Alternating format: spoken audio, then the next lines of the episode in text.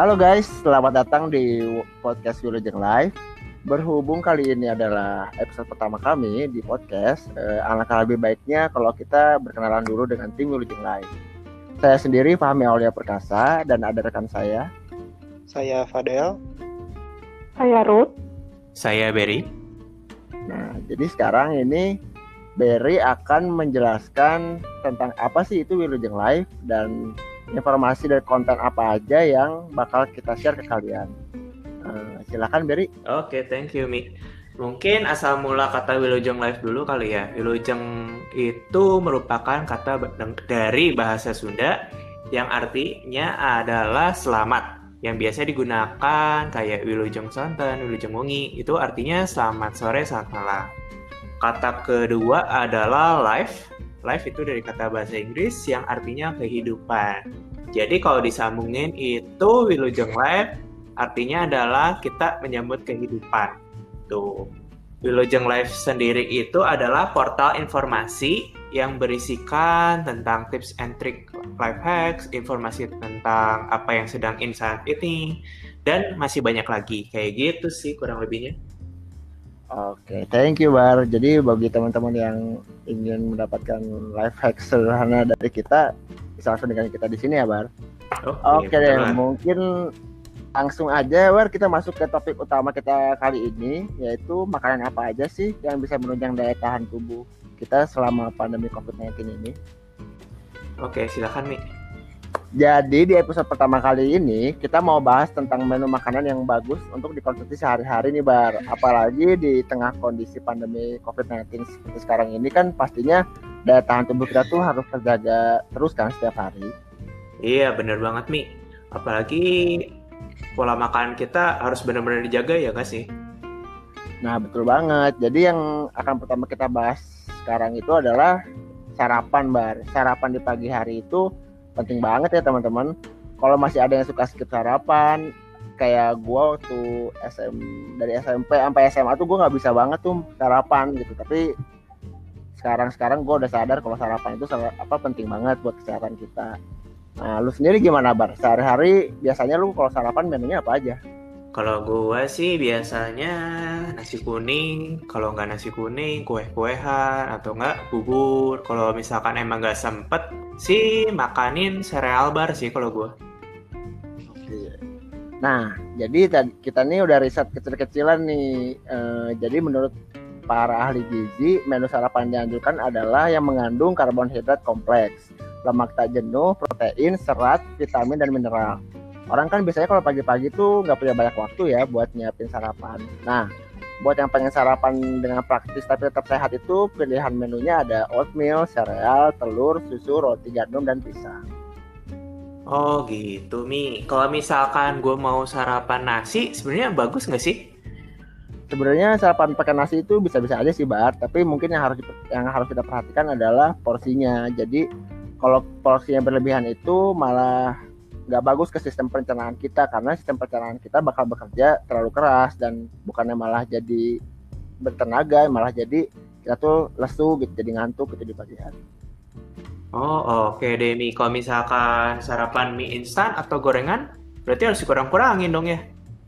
Nah betul banget Bar apalagi gorengan ya gorengan sebenarnya enak sih gue juga suka gitu tapi emang harus dibatasin nggak boleh terlalu banyak karena memang gorengan kan kalorinya sangat tinggi banget gitu sama kolesterol juga. Gitu.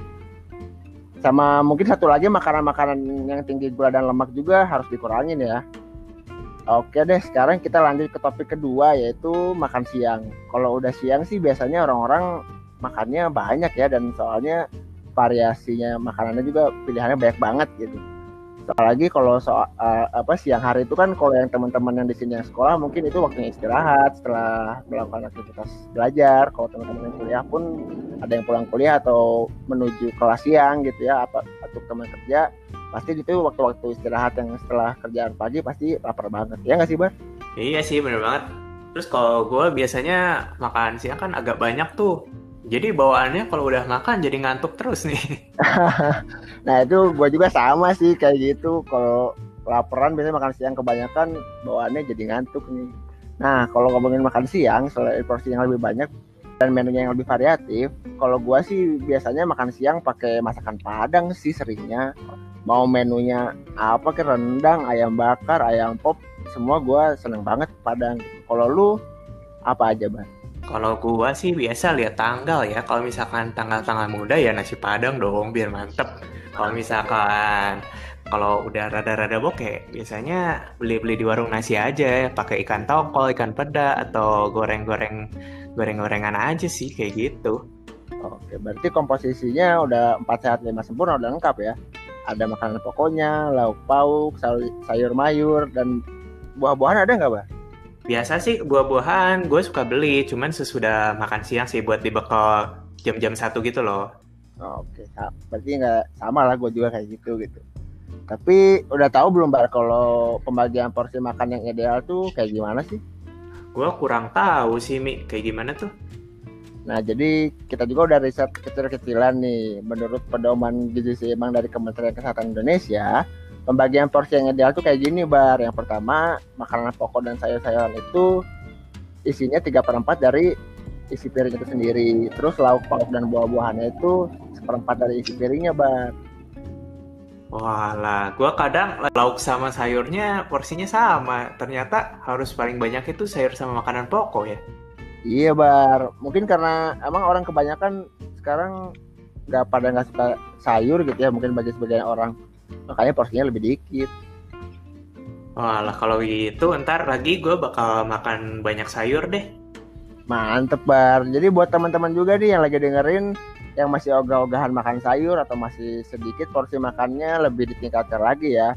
Karena kan sayur juga tuh mengandung berbagai vitamin dan zat besi. Oke deh sekarang kita masuk ke topik terakhir nih bar yaitu makan malam.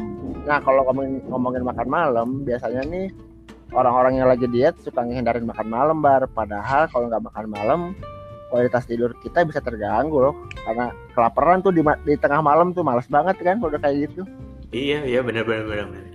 Jadi sebenarnya kalau orang diet sah-sah aja kali ya makan malam, tapi yang perlu diperhatiin adalah pilihan makanannya sama jumlah makanannya kali ya. Nah betul banget bar. Jadi yang perlu diperhatiin yang paling utama adalah porsinya. Uh, tapi ada juga sih biasanya orang-orang yang suka makan cemilan berkalori tinggi pada malam hari. Nah biasanya porsinya ini yang kurang dijaga bar dan bisa bikin diet kita tuh gagal gitu. Gua kasih contoh ya makanan yang bisa kita konsumsi malam hari itu ada salad sayur, ada ikan salmon dan oatmeal juga kayak sarapan sih sebenarnya oke-oke aja karena memang kalorinya nggak terlalu tinggi. Gitu usahain juga makanan kita ngehindarin makanan yang digoreng ya bar biar kita makin sehat. Jadi alternatifnya itu ada kita kukus atau di steam dan direbus. Satu lagi manfaat dari makan malam yang baik ya tentu saja membuat kita tidur juga jadi lebih nyenyak gitu kalau di malam hari. Oke deh Mi, kalau gitu gue cobain deh saran-saran yang lo kasih Berarti 2021 ini kita harus benar-benar jaga kondisi tubuh ya, apalagi kondisinya kayak gini kan, masa pandemi dan COVID-19 ini makin parah, ya nggak sih? Betul banget, Bar. Kondisi imun tubuh kita itu kan yang bisa nangkal virusnya sendiri. Hmm, kayaknya podcast episode satu ini sampai sini dulu ya. Mungkin sebelum kita tutup, ada pesan-pesan yang mau disampaikan, Bar, ke pendengar kita. Paling kalau dari gua, paling penting sih jaga kondisi ya buat teman-teman Terus paling basic buat jaga kondisi tentu saja pilih makanan yang bisa menunjang daya tubuh kita biar lebih sehat, lebih kuat gitu loh.